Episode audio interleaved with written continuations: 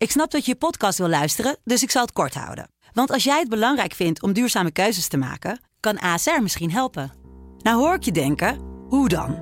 Nou, bijvoorbeeld bij het duurzaam herstellen van schade. Of de premies die we beleggen volgens ons duurzaam beleggingsbeleid. Dat bepaalt waar we wel en juist niet in investeren.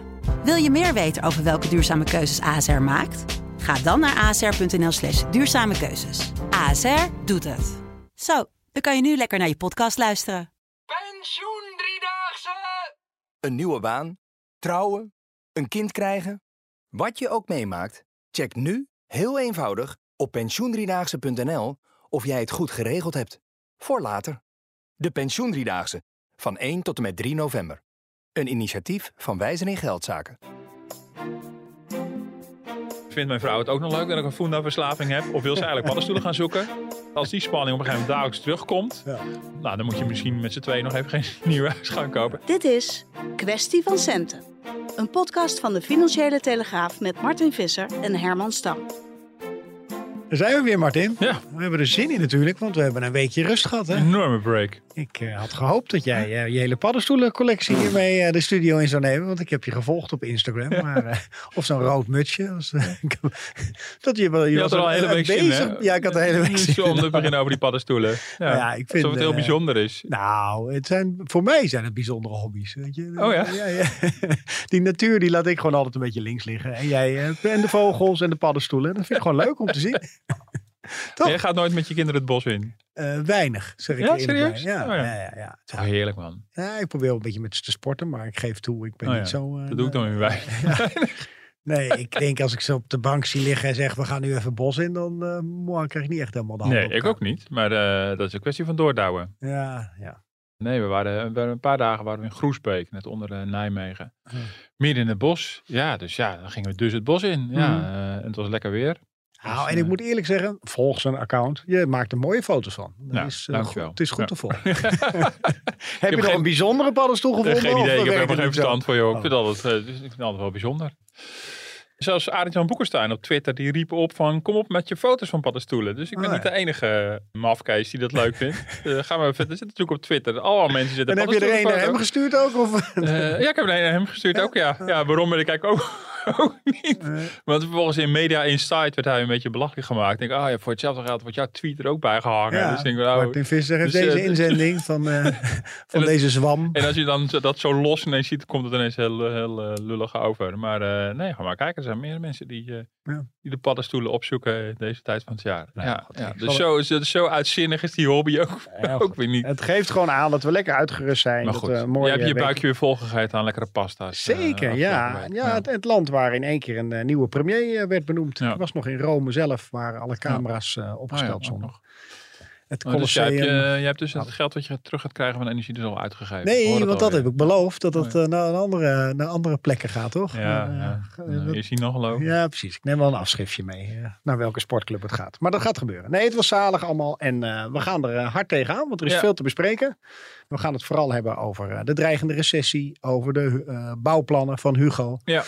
Vooral ook eh, een beetje persoonlijk, hè, wat het allemaal gaat betekenen met de huizenprijzen. Ja. Vinden mensen altijd interessant. Word je al aangeschoten bij feesten en partijen van, oh Martin, eh, ben Ja. ik niet te laat geweest met mijn huis verkopen? Ja, ja nou, bij feesten en partijen klinkt het een verjaardag. Dan voel ik net Mark Rutte, die zegt als ik dan in een kring zit van een Ja. verjaardag. ja, ja. ja. Dat, zegt hij altijd, hè? Ja. Ik denk van mij heeft hij daar maar geen tijd voor. En welke, maar goed, laat Mark Rutte even zitten. Hmm. Nee, maar, nee, ja, maar dat, dat gebeurt al jaren. Alsof ik kan voorspellen wat de hypotheekrente gaat doen. Eh, en die Nou, nou- je toch wel. Nou, nee. Je Nou, weet toch wanneer de ECB dingen bekend maken. Ja, maar ik bedoel, ik ga toch als mensen zeggen, nou ik sta op het punt om, eh, om vier ton uit te geven, eh, zeggen ze even hoe ik het moet financieren. Nou, dan, dan hou ik een grote afstand. Nee, dat is natuurlijk een beetje, dat is natuurlijk een beetje, een beetje riskant om vanuit je macro-blik dan heel persoonlijk advies te gaan zitten geven. Dus Mhm. natuurlijk kan ik wel iets over zeggen over waar ik over schrijf. En dat, is, dat is zeker zo. Maar ik kan me voorstellen, weet je, wij zelf zitten ook te kijken van, eh, we willen op een gegeven moment nog verhuizen met iets grotere, een huis met iets grotere kamers voor de kinderen die wat groter worden. Ja, het is gewoon nu een erg onzekere tijd. En daar zit natuurlijk iedereen mee. Hoe makkelijk kom je van je huis af? En is het verstandig om nu wel of niet een huis te kopen? Dus die onzekerheid heb je nu de huizenprijzen aan het dalen zijn. Ja, gaan we het zo eh, Ja. eh, uitgebreid over hebben. Eerst maar eens eventjes eh, die dreigende recessie. Nou, ik denk dat we voorbij het kantelpunt zijn en nu zitten in een milde recessie, waarvan we eigenlijk niet goed weten of die zich verder gaat ontwikkelen richting een stevige recessie of dat het hopelijk hierbij blijft. Ja, dat is uh, Marieke Blom. Die hebben we wel eens uh, hier in de studio gehad. Ja. Dat is de hoofdeconoom van uh, ING. Deze uitspraak, ja goed, ze houdt nog wel een beetje een slag om de arm zoals meer economen. Nou ja, dat is wel logisch. Want of we in, al dan niet in een recessie zitten, weten we, dat, dat kan je pas achteraf weten. Omdat de statistische definitie van een recessie is dat je twee kwartalen op rij een krimp doormaakt van de economie. Dus een negatieve economische groei. Ja, en het derde kwartaalcijfer wordt pas uh, half november bekend. Dus we weten pas in het vierde kwartaal, en dan zijn we dan nog een stukje verder, of we dan al twee kwartalen op rij uh, negatief zijn geweest. Mm -hmm. Dus vandaar de slag om de arm. Dus heel begrijpelijk. En net vandaag... Uh, dit, dit, is alleen voor Nederland, hebben we het dan dit, over? Dit geldt ja. voor Nederland. Ja. En voor, voor Europa, voor de eurozone, had ING dat deze week ook al geconstateerd. Ze zagen dat, uh, dat allerlei vertrouwenscijfers uh, er slechter uitzagen. Van, in dit geval specifiek van inkoopmanagers. Dat is een soort, soort barometer voor hoe het staat met, met de, de, economie. Dus dat zijn de, de mensen bij bedrijfsleven die de inkoop doen. Het woord zegt het al. En ja, hun sentiment wordt, wordt maandelijks gemeten. En er is een bepaalde graadmeter. En als die daaronder zakt, dan is het waarschijnlijk een recessie. En als die daarboven zit, is het, is het economische groei. Maar zij heeft specifiek hier, het was bij Nieuwsuur, heeft het specifiek over, uh, over Nederland. En doet het op basis van de, de gegevens die banken hebben van de, de, de, ja, de, de PIN-gegevens van Ja. hun eigen klanten. Dat is ook een beetje jouw trucje. Ik hoor je daar vaak over. Dat Ja. vind ik altijd wel een, Ja. goeie. Want je ziet natuurlijk gewoon meteen wat er gebeurt. Je in ziet real-time wat er gebeurt, ja. Dus je, dan loop je altijd voor op, de, op het CBS. Maar het is ook weer een beetje riskant. En wat zij dus ziet, is dat er eh, een, een daling is van eh, consumptieve bestedingen. En zij kan dat eerder zien, en het is de andere banken dat eh, kunnen, dan bijvoorbeeld een CBS die altijd achteraf... zit natuurlijk achteraf eh, te rapporteren. Mhm. En zij zien dat bijna real-time. Dus dat is, dat is een goede, goede indicatie. Maar het is ook een beetje tricky.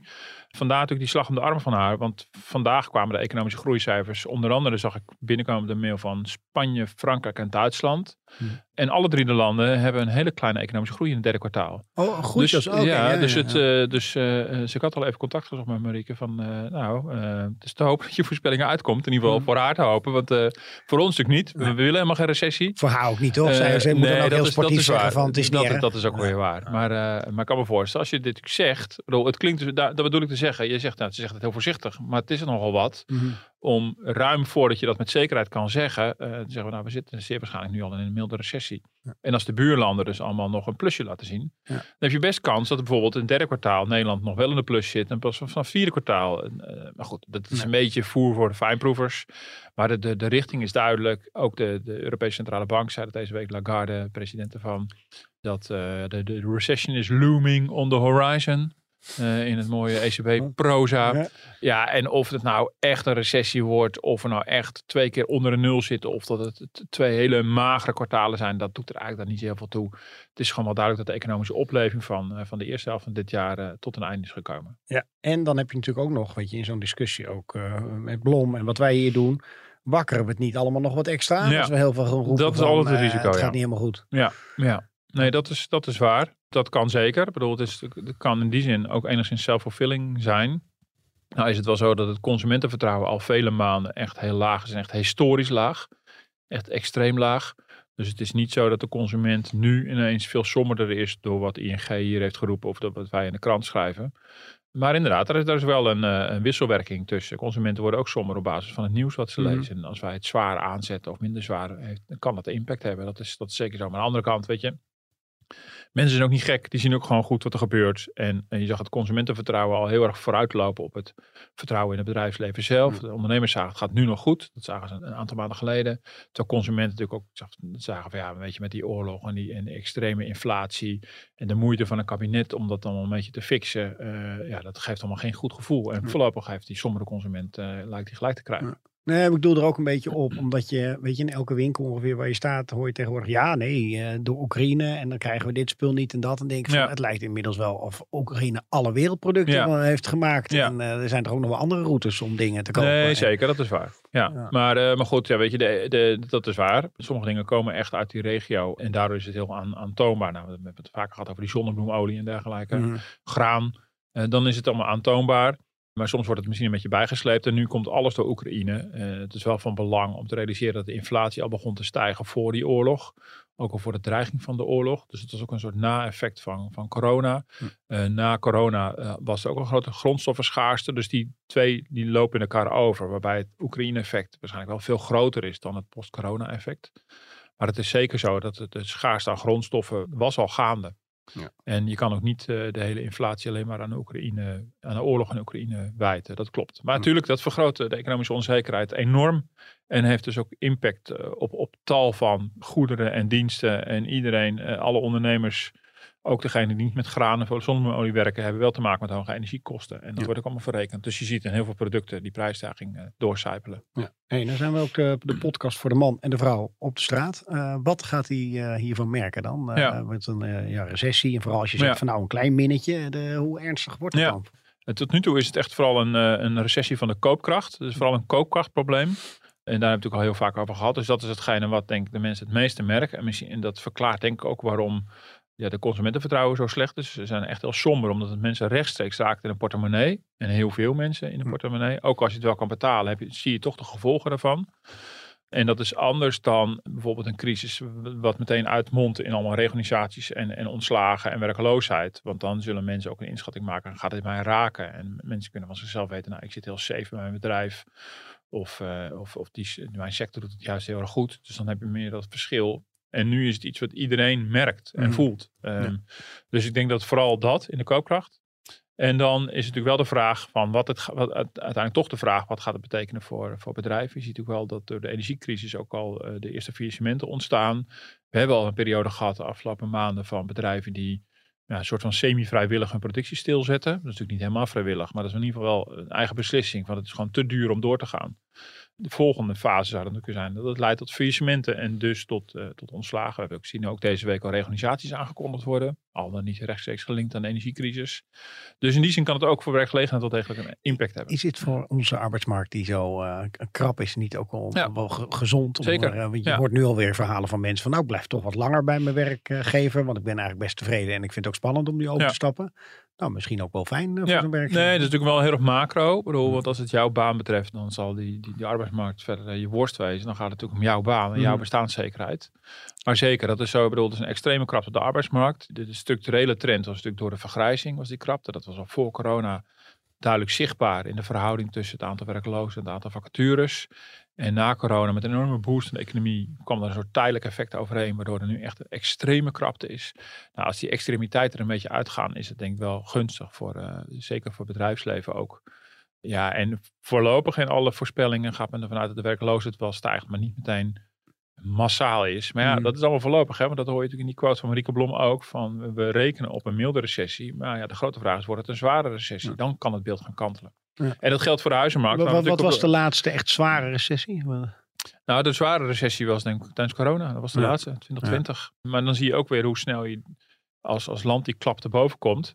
Overigens moet daar, dat is, wel, dat is nog wel een grote onzekere factor met deze recessies. Dat, dat natuurlijk een deel van het bedrijfsleven wel een grote last van daarvan met zich meedraagt. Mhm. Mm -hmm. Als macro-economie zijn we heel snel hersteld. En zag je ook dat de, de impact van beperkende maatregelen en lockdowns op de totale economie steeds kleiner was.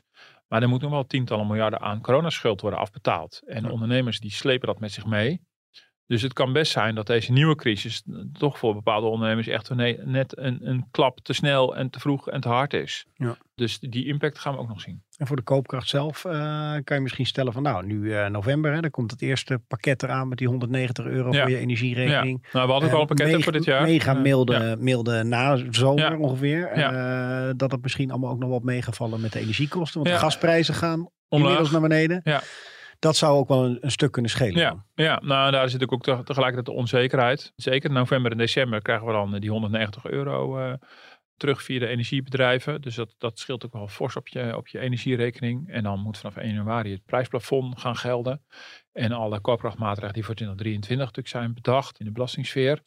Ja, en het, die gasprijzen gaan nu als, als een malle omlaag. Dat tekent ook die extreem volatiele internationale markt. Want zulke prijsbewegingen zijn heel ongebruikelijk. Ja, inmiddels is het vrij normaal dat het met tientallen procenten kan gaan in een paar mm. dagen tijd.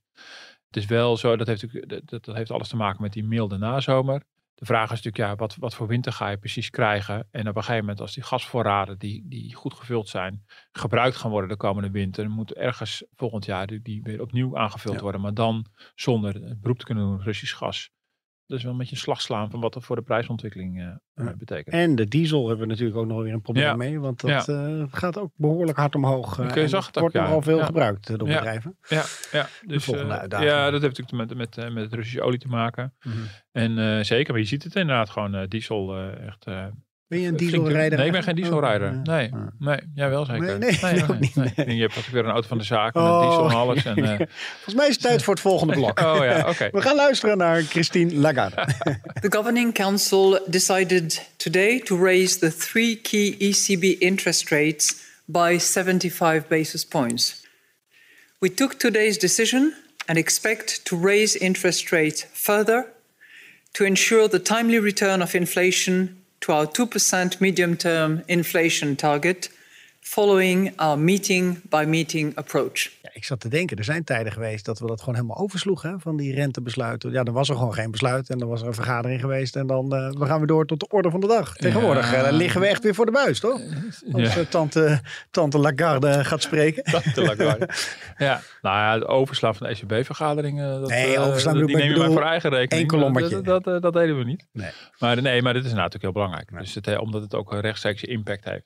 Hier zit ook wel heel veel jargon en zo in. Maar uh, um, dit heeft natuurlijk grote gevolgen op allerlei manieren in de economie en voor, voor iedereen. Uh, en wat hier gebeurt is, uh, dat is dan donderdag bekendgemaakt. overigens verwacht door alle analisten is de rente is met 0,75% punt verhoogd. Dus dat is de, de officiële beleidsrente. Die was 0,75, dat is nu 1,5. Nog steeds heel erg laag, historisch gezien. En hij gaat eh, in een paar grote stappen omlaag. Want in september was hij ook al met 0,75 verhoogd. Toen kwam hij van 0. En hij komt oorspronkelijk van, eh, van, eh, van uit het negatieve.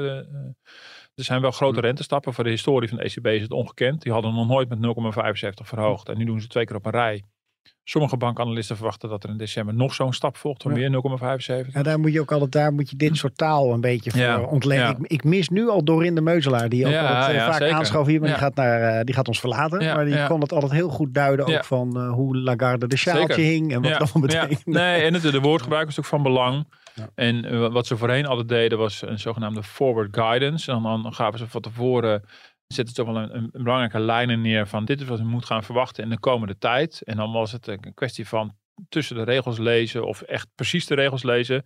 In welke mate die forward guidance, die, die, die vooruitblik was aangepast. En het kon mhm. soms zijn dat er ergens één woordje was vervallen. En uh, nou, daar gingen analisten oeverloos uh, over discussiëren over wat dat betekende. En nu is de aanpak een meeting-to-meeting approach, hoor je nu zeggen. Um, wat zoveel betekent als bij elke vergadering gaan we gewoon opnieuw kijken. Wat is nu de situatie?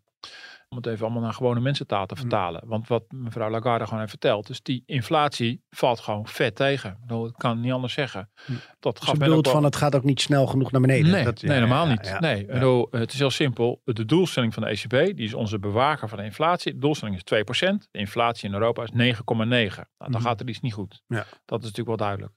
Uh, er is heel veel kritiek geweest op de ECB of ze niet veel te laat in actie zijn gekomen. Maar goed, nu komt... Uh, Zelfs de veroorzaker zijn uh, gedeeltelijk. Ook dat. In ieder geval een voedingsbodem hebben gelegd met een veel te ruime beleid. Waarbij geld langjarig gratis was. En daar moet je nu van terugkeren. Dus je wilt terug naar een soort van normaal. En dat moet natuurlijk in, in, dat kan ook weer niet te snel. Want het geeft enorme schokken als je te snel die rente verhoogt. Maar nu gaat het met een paar forse stappen. Mm -hmm. De vraag is of het snel genoeg is. Of het überhaupt genoeg is. Of het zo de dijk gaat zetten. Maar in ieder geval, de inflatie valt ook de ECB tegen. En elke vergadering gaan ze opnieuw kijken van wat is nu eigenlijk de verwachting. En dan kijken ze niet alleen van wat doet de inflatie nu. Maar ze kijken vooral wat is in de markt de verwachting voor de komende jaren. Want zij streven naar een inflatie van 2% op de middellange termijn heet het dan. Mm -hmm. Want het is onmogelijk om op maandbasis de inflatie te sturen. Maar gewoon dus, nou, die langere lijnen kijken ze naar. Hm. Dus ze gaan per vergadering bekijken. En het is ook wel duidelijk dat de rente ergens in de komende maanden nog een paar keer zal worden verhoogd. Dat ze, zei ze wel van uh, we are not done yet. We zijn er nog niet klaar mee. Alleen ze zegt niet hoeveel renteverhoging, met hm. hoeveel. De algemene verwachting is dat uh, de rente zeker nog tot 2,5% verhoogd zou kunnen worden. En misschien dan op een gegeven moment ook weer iets verlaagd als de inflatie omlaag komt. Hoe kijk je in het algemeen naar die uh, kritiek? Dat ze zelf ook dus uh, een van de oorzaken zijn. Met ja, te lang uh, geld gratis nou, maken. Zuid-Europa, dat heel makkelijk. Dat, ja, nou, dat is ingewikkeld. Want um, ik denk dat ze niet per se mede veroorzaker zijn. Maar wel nu heel veel...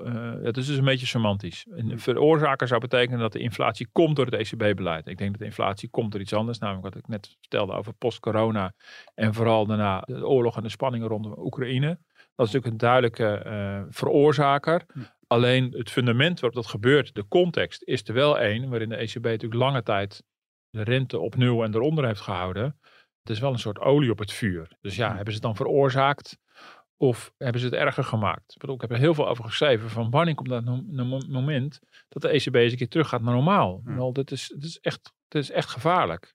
En, dat, en het zou dus best kunnen zijn, en dat is heel moeilijk om precies uit te rekenen wie welke factor, welk deel van de inflatie voor zijn rekening moet nemen. Maar het kan natuurlijk best wel zijn dat de inflatie door het ruime beleid van de ECB hoger is en langduriger een probleem gaat zijn. Dat Mhm. is natuurlijk heel goed mogelijk. Want bedoel, met deze renteverhogingen, die we nu al, al merken in de hypotheekrente bijvoorbeeld, nou daar komen we straks nog over te spreken, zit de ECB nog steeds niet op het normale niveau, zeg maar. Het niveau waarbij je dus eh, min of meer in evenwicht bent. Dus wat, wat, wat de ECB nu doet, is nog steeds stimulerend voor de economie.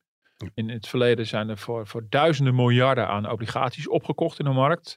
Nou, ze kopen niet meer nieuwe bij, maar alle, eh, alle obligaties die worden afgelost, die worden wel weer vervangen.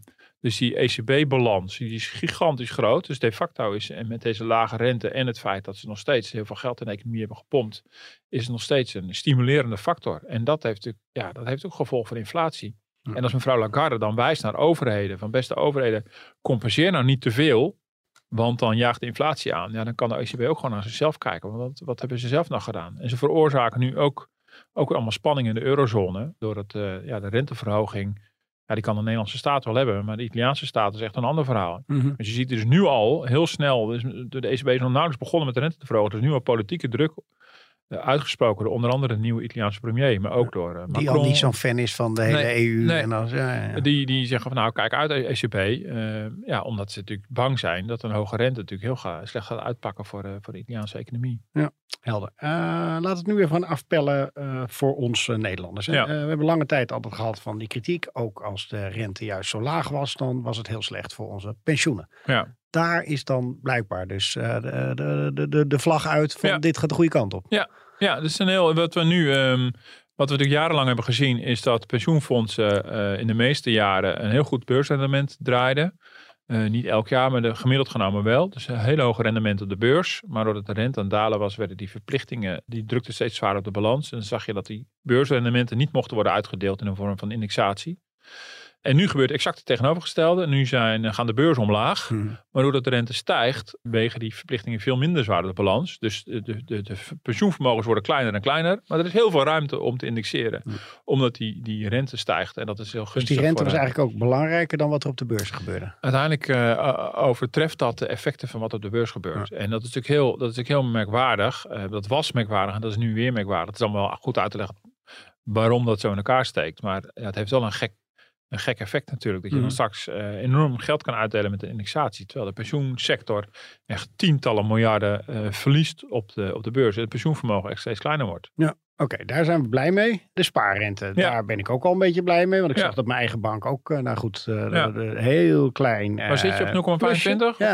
eh, oh ja. Dus nou, we hebben een inflatie van Heeft het 14, toch nut gehad, dat Ja. sparen? Ja, we hebben een inflatie van eh 14,5 of 14,4. Ja. Min 0,25. Dus reëel ga je er meer dan 14% op achteruit. Dit vind ik nou niet zo leuk van jou weer. hè? Nee, maar inderdaad, de, spaarrente met Ja. enige vertraging. De bank heb ik ook aangekondigd voor de maand december alweer. De Mhm. spaarrente gaat met hele kleine stapjes omhoog. En dat is ook begrijpelijk.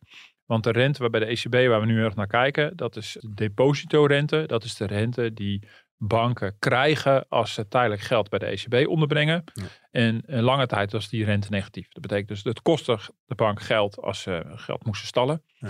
Dus banken zaten helemaal niet te springen om grote spaarsaldi. Want het kostte ze alleen maar geld. En ze hebben ook gaandeweg in de loop van de tijd hebben de spaarrente steeds verlaagd. Voor grotere vermogens ook negatief gemaakt. Nou, die grens bij grote vermogens ging ook steeds verder omlaag. Eerst was het voor miljonairs en toen mensen boven een ton. Maar ze wilden er niet aan om echt de kleine spaarder ook een negatieve rente in rekening te brengen. Dat betekent dat ze verlies maakten op die spaarrekeningen. En nu zie je de omgekeerde beweging. Gaat de spaarrente stapje voor stapje een beetje omhoog. Ja, en je ziet eh, allerlei spelers ook op de markt hier in Nederland weer actief doen. De Renault-bank zie je langskomen. De banken, eh, Ja. andere landen van eh, een beetje gestoei weer om van bij ons kan je het hoogste. Ja, nou ja, omdat mensen natuurlijk ook die lage, extreem lage rente natuurlijk beu zijn. Ja. Maar dan nog, goed, ja, ik ga de mensen daar absoluut geen advies in geven. Maar eh, ik, we hebben genoeg voorbeelden verleden gezien dat je toch een beetje voorzichtig moet zijn met Ja. eh, zoeken naar de hoogste spaarrente. Dan zijn die garantiestelsels zijn wel wat aangepast Ja, naar het zeker. IJsland. eh, binnen de, binnen de EU heb je in ieder geval een depositogarantiestelsel. Dus dat is ook wel, eh, dat is ook wel van belang. Ja, en wat doet dat überhaupt met mensen? Want die gaan dan misschien toch wat sneller denken, ik blijf wat spaargeld houden, ik ga minder uitgeven. En dat is natuurlijk eigenlijk ook weer niet zo goed voor de Ja, economie. Nee. Nee, dus dat is inderdaad de vraag. Er is ook heel veel spaargeld overgebleven na corona. Van mensen die, eh, die eh, nou, eh, ruim inkomen hebben en konden sparen. En ook in coronatijd en lockdown zijn geld niet konden uitgeven. aan de dingen die ze normaal deden. Dus minder reizen, minder restaurantbezoek, dat soort. en, nou goed, het was nog een aanzienlijk deel van Nederland dat heeft kunnen bijsparen. En de vraag is in welke mate dat nu wordt uitgegeven. Er is steeds Mhm. gezegd, die, dat geld komt vrij na corona. Maar je ziet dat de spaarsaldi in Nederland nog steeds groot zijn. Nederlanders zijn enorme spaarders. En we zijn ook tegen de klip op blijven sparen bij een extreem lage rente. En nu heb je weer een argument om te blijven sparen.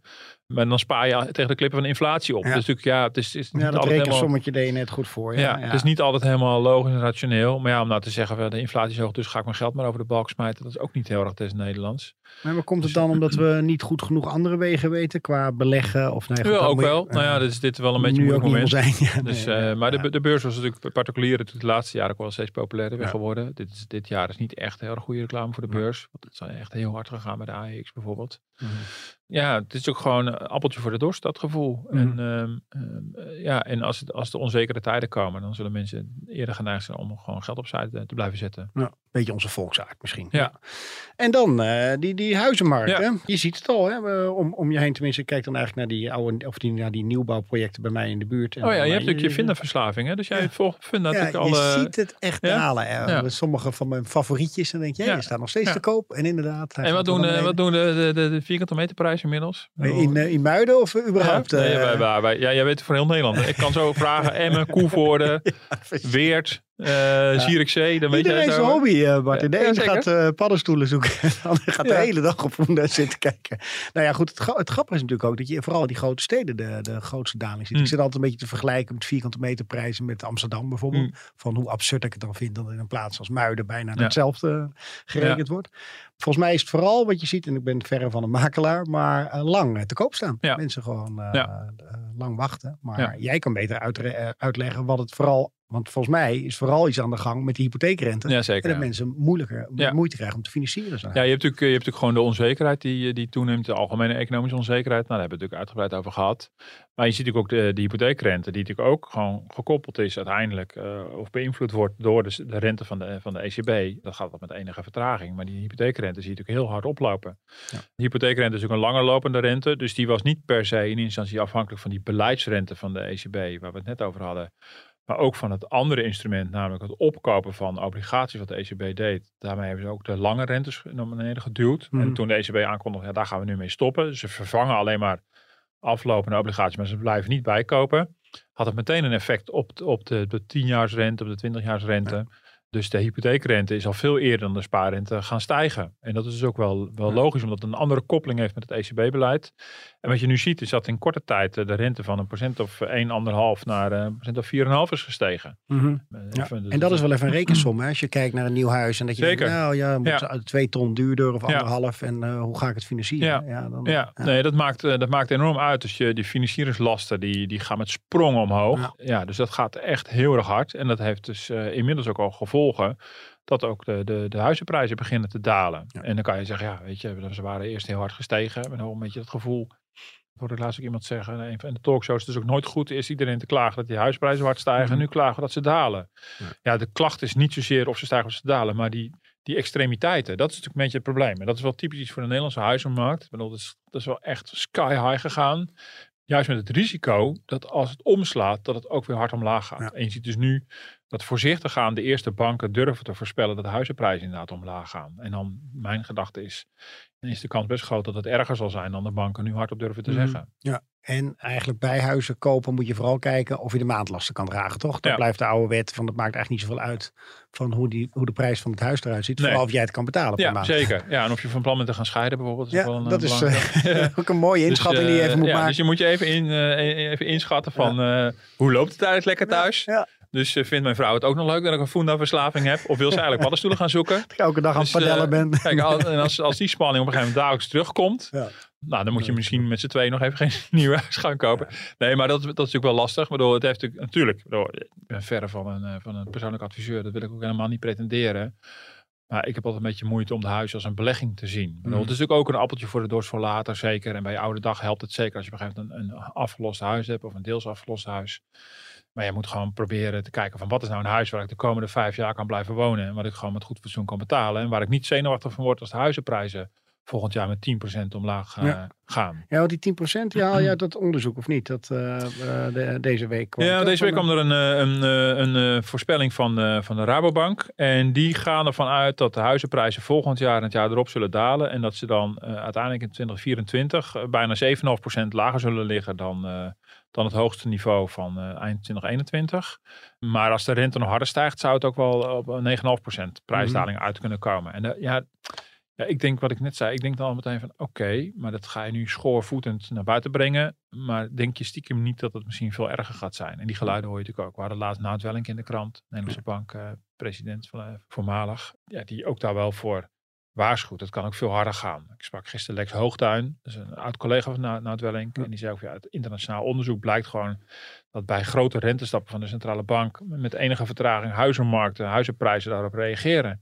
En de enige factor in Nederland die dat zou kunnen tegenhouden, is het extreme tekort aan woningen. Als Hugo de Jonge onvoldoende uit de startblokken komt, is dat gunstig voor de huizenprijzen. Ja, exact. Nou, daar gaan we het zo nog heel eventjes over hebben. Ehm, ja, ik zit toch te denken van, je zegt van over die scheidingen. Wat vooral, wat, is het ook niet heel erg eh, de arbeidsmarkt? Want op zich heb je ook wel die zekerheid dat mensen gewoon best wel een vaste baan houden. Ja, Dus dat je, Zeker. Dat, dat nee, die koppeling is natuurlijk ook. Ja, die Ah. koppeling is er ook. Dat zie je natuurlijk ook dat als de, de, de, de, de werkloosheid toeneemt, dan wordt de onzekerheid op de huizenmarkt groter. En nu Mhm. is er echt vooral de aanjager de hypotheekrente. En overigens is het ook weer, dat hebben we ook wel gezien in de, eh, bij de eurocrisis, die op een gegeven moment in 20, 2012 en 2013 ook wel uitmondde in een huizencrisis. Toen stond op een gegeven moment eh, meer dan een derde van de huizen stonden onder water. Dat de hypotheken hoger waren dan de waarde van het huis. En toen zag je uiteindelijk de werkloosheid ook maar een beperkte impact hebben. Want het is in Nederland eigenlijk bijna niet zo dat mensen hun verplichting niet meer kunnen voldoen omdat ze werkloos zijn geraakt. Mhm. Dat komt door een sociale zekerheidssysteem. Eh, het is ook niet eh, zoals in Amerika, je levert je sleutel in en je bent weg. Mhm. Eh, dus je zit er ook aan vast. Dus in Nederland blijven doorgaans eh, wel goed ons huis afbetalen en onze rentelasten betalen. Maar goed, het is, wel- het is wel zo, als er grote onzekerheid komt, mede door stijgende werkloosheid, heeft het ook impact op de huizenmarkt. Maar nu zie je dus de, de, de dippen al beginnen, eigenlijk gewoon door de stijgende rente. Ja, dan gaan we nog even naar, eh, naar Hugo de Jonge, want je begon er al over, hè? over de bouwplannen en in hoeverre dat dan eh, gaat helpen. Laten we even naar hem luisteren. Wat de laatste tijd een beetje is ontstaan, een soort religieus debat. Dus eh, moeten we nou grootschalig gaan bouwen, buiten de stad, in het groen? Of moeten we vooral binnenstedelijk willen bouwen? Volgens mij kunnen we ons die luxe helemaal niet eh, veroorloven. Volgens mij moeten we twee dingen doen. We zullen en binnenstedelijk en aan de rand van gemeenten moeten bouwen. We zullen en grootschalig en kleinschalig moeten bouwen. Zo is het. Nou, dat klinkt allemaal hartstikke mooi. Ja, Alleen, een religieus, de- de- religieus debat is wel eh, voor Hugo de Jonge weggelegd, maar Ja. dan niet op het punt van, terrein- van de woningen, geloof ik. Ik Maar, zag hem eh, in dat programma van eh, Thijs van der Brink. Ja, Ja. Had, had weinig zonde, vond hij zelf. Dit horen wij al toch zo lang. Ja. En eh, ik vond het ene plan nog wel leuk. Dat is waarschijnlijk ook niet heel origineel. Maar dat je een straatje erbij bouwt Ja. in elke, elke stad of elk dorp. Ja. Dan dacht ik van nou, dat zie ik wel voor me. Want dan hoef je ook niet zoveel weiland af te pakken en wat dan ook. Ja. straatje. En dan heb je ook weer eh, een paar honderd woningen per dorp. ja, tegelijkertijd denk ik van ja, eh, ja, maar bedoel, als het zo simpel is, overal een straatje erbij, we zijn klaar. Dat klopt getalsmatig wel, maar het probleem Mm. is, je loopt natuurlijk tegen al die overheden aan en alle bestemmingen en plannen en allemaal. Nee, want dat wil ik meteen Ja. tegen je zeggen. Van oké, eh, dit hoor ik dan aan. En nu de uitvoering. Ja. En Ja. En daar gaat het mis. En hoe. Ja. Dat zal ook moeten blijken nu. Want ja, Hugo de Jonge heeft, eh, heeft eh, half oktober zijn eh, woondeals gepresenteerd. Of, wanneer was het? Ja, half oktober. Eh, heeft met de provincies afspraken gemaakt over de bouw van, eh van 917.193 woningen tot 2030. Helemaal uitgesplitst per Oh, het provincie. Oké, ja, ik, ja. Ja, dus we weten bijvoorbeeld dat er in Drenthe 13.631 woningen bij gaan komen. Kijk. Dat is nog net niet achter de komma, maar dat komt omdat we geen halve huizen bouwen. Maar het is, eh, het is gewoon echt heel... Nou, al- Gelderland doet het precies 100.000. Dat is wel weer grappig. Dat is, dat- Daarna dat- stoppen ze ook gewoon. Als dat- dat, ene, dat, dat- ene huis komt er dan ja, niet meer ja, van. dus het voelt een beetje toch als een afgerond getal. Maar alle andere provincies hebben heel, heel specifieke getallen. Mhm. Eh, dat zijn dan de woondeals. En dan denk je, van, nou, dat heeft Hugo de Jonge toch goed gedaan. Ja, behalve dat de woondeals ook al door zijn voorganger werden afgesloten. Door uh, Kasia Longren. Mhm. Die heeft een aantal woondeals met, met ehm, stadsgewesten afgesloten. Dus dit gaat echt op het niveau van de provincies. Dat was toen met stadsgewesten. Dus het instrument werd al gebruikt. We hebben het al vaker over gehad. Ja, je kan iemand een minister van Volkshuisvesting noemen. En daarmee zijn niet de problemen opgelost. Hij zal regie moeten pakken. Nou, dat doet hij voorlopig. Dus dat gaat goed. Maar de regie was al eerder gepakt. Het gaat uiteindelijk met de uitvoering. Daar gaat het natuurlijk uh, mis. En in een evaluatie is, van... Is daar niet precies het probleem ook dat hij het eigenlijk, voor mijn gevoel, in ieder geval weer dumpt van nou, bij de provincies. Ja. Je, ja, je legt eigenlijk het probleem weer bij andere ja, dingen die, moet, die, die gaan misschien weer, helemaal ja. niet capabel voor nee, zijn. Die gaan natuurlijk weer, ja, maar wat moet je dan? Bedoel, uh, wil je dat hij in zijn eentje dan gaat zitten bepalen waar die uh, 13.631 woningen in Drenthe moeten komen? Nee, maar ik ben al zo bang voor die dat is uitvoering. Denk, hoeveel Ja. ambtenaren hebben ze dan per provincie die Ja. dat dan handig Nee, dat kunnen begeleiden? En Nee, maar die provincies ik pleit gaan- niet voor meer ambtenaren, dat weet Nee. je. Dat is niet Nee. maar- En, eh, maar die provincies gaat nu weer in overleg met de gemeente. Hmm. En die gaan, eh, ik van als ik het goed heb, in december met een uitwerking komen. En dan de, de provinciale doelstelling moet weer vertaald worden naar gemeentelijke doelstellingen. Hmm. En op die manier ga je natuurlijk naar, steeds meer naar het concrete niveau. Want daar, een deel van de bottleneck is, is natuurlijk de, de, de, de oneenigheid of de strijd tussen lokale partijen. En dat kunnen soms bouwers zijn en gemeentes die allerlei andere ideeën hebben over, over waar ze willen bouwen, projectontwikkelaars en gemeentes. Maar dat kan ook soms zijn tussen gemeentes en provincies. Inderdaad, dat religieuze debat ook eh, over eh, bouwen in het groen of bouwen in, in de stad. Dus, dus ja, die provincies moeten ook allemaal weer doorvertalen naar gemeentelijk niveau. En ja, dat kan je, die kan natuurlijk niet van een minister van Volkshuisvesting verwachten dat hij met de gemeente Emmen gaat onderhandelen over hoeveel nieuwe woningen moeten worden gebouwd en in welke straat precies. Dat gaat natuurlijk niet. Dus je Mhm. moet, moet je die andere overheden natuurlijk wel meenemen. Ja. Dus op zich is dat wel een logische aanpak, denk Ja. Ik. Ik ruik alleen gewoon weer vertraging, vertraging, uitstel. Ja, want het lastige is natuurlijk, eh, dit, dit, dit kost ook al best wel veel tijd. Want wat ik zei, die woondeals die hebben al sinds 2020 eh, onder de Olongeren eh, uit een evaluatie bleek dat het vooral in de uitvoering vastgelopen was. Dat ze te vrijblijvend eh, waren. Nu is er wel meer geld. Nu is de verhuurdersheffing is ook afgeschaft. Dat gaat dan vooral om de woningcorporaties. Want dit gaat natuurlijk niet alleen maar om koopwoningen, maar ook om huurwoningen. Mhm. Via de rente hebben we natuurlijk vooral over de koopwoningen gehad. Maar dit, deze aanpak is natuurlijk veel breder. Ja, in, in zijn woonplan, die al eerder werd gepresenteerd, wordt bijvoorbeeld ook wel gerefereerd aan de krapte op de arbeidsmarkt. Maar ik moet nog maar zien wat daar precies de oplossing voor gaat zijn. Als je gewoon domweg mensen tekort komt om al die huizen te bouwen. Precies, ja. Ja, Ja. hoe los je dat op? En hoe, hoe zorg je... ja. En dat ook heel veel van die bouwbedrijven denken, ja, hier stap ik niet in, want voor Ja. deze prijs kan ik het niet rondmaken. Nee, dus, dus je hebt de inflatie werkt ook niet. Dus dat is, dat is ook lastiger. Zeker als het zal blijken dat het een veel langjariger probleem is dan we nu hopen. mhm. Dus dat zal ook allemaal niet eh, helpen. De economische onzekerheid zal niet, eh, zal niet heel erg helpen. Dus in die zin ja, is het echt wel een heel ingewikkelde klus. Goed, dit zijn de, de eerste stappen die zijn gezet. Maar dit gaat nog echt een hele poos duren. Ja, wat vind je van eh, dat hij eh, zo kritisch is over die, die, de vrije markt eigenlijk, die de woningmarkt lange tijd was? Dat hij vindt van... eh, nou Ja, nou dat begrijp ik we- wel. Want het de, de probleem is een beetje dat de woningbouwbeleid is natuurlijk heel erg gedecentraliseerd. En nu zie je dus dat er tekorten zijn. En dan is het dus heel moeilijk voor de politiek om daar weer grip op te krijgen. Mhm. Ik denk niet dat de politiek per se alles heel goed kan plannen op één centraal punt. Ik bedoel, die illusie moeten we ook niet hebben. Maar op sommige momenten, zoals we in het verleden hebben gezien met de aanpak van Phoenixwijken, zou je op een gegeven moment toch wel een soort je doorzettingsmacht moeten gebruiken. Dat je Ja. toch vanuit de politiek eh, veel harder doorduwt. Maar ja, dan moet iemand als Hugo de Jonge ook die religieuze debatten weten te doorbreken. En eh, hij kan het aanstippen. Maar op een gegeven moment moet je ook gewoon door. En ik denk dat zijn antwoord ook wel logisch is. Ja, het is niet of-of, maar het is en-en. Want de nood is zo hoog. Dat is echt geen fabeltje ook. Dat, gewoon uit, dat zie je aan alle staatjes en grafieken. Zie je gewoon dat als je een historisch overzicht ziet. Dan zie je dat het tekort aan huizen eh, procentueel gewoon nu veel groter is dan in de jaren tachtig. Toen we al die rellen hadden rondom eh, geen woning, geen kroning. Ehm, Hm. Dus in die zin is er gewoon echt wel een, is echt een probleem. En dat heeft onder andere met die decentrale aanpak eh, te maken. Hm. Vind je dat eh, de jongen ook genoeg aandacht heeft voor, eh, je zag nu weer die CBS-cijfers, dat het aantal Nederlanders weer enorm aan het groeien is, Ja. dat hij dat ook wel genoeg in kaart brengt van luister, dat is ook nog een ander deel van het Nou ja, dat is Eh, ook wel het zijn. en De, de ramingen die onder het woonplan liggen, zullen weer moeten worden bijgesteld. Want het viel me nog op, daar werd nog eh, de bevolkingscijfers eh, meegeteld die inmiddels verouderd zijn. Daar werd nog vanuit gegaan dat Nederland eh, 17,6 miljoen inwoners heeft. En eh, dat, dat blijkt er dus inmiddels al meer te zijn. Dus dat zal ook de, de, de, de behoefte aan woningen natuurlijk veel verder vergroten. mhm. En ja, de grote vraag die daar op tafel ligt is de, instroom van, eh, van asielzoekers, vluchtelingen eh, eh, en, en andere, en andere migranten. Welk deel daarvan is permanent, welk deel is duidelijk. Dat is rondom de Oekraïners hier gekomen zijn. eh, waar hele goede redenen voor waren overigens. Dus daar wil ik helemaal niks aan afdoen. is natuurlijk wel de vraag, ja, welk, welk deel van die mensen zullen hier echt een bestaan gaan opbouwen? Dat is natuurlijk, dat is natuurlijk wel lastig. En, dat, en, en daar moet hij met, met staatssecretaris van de Burg natuurlijk in de weer.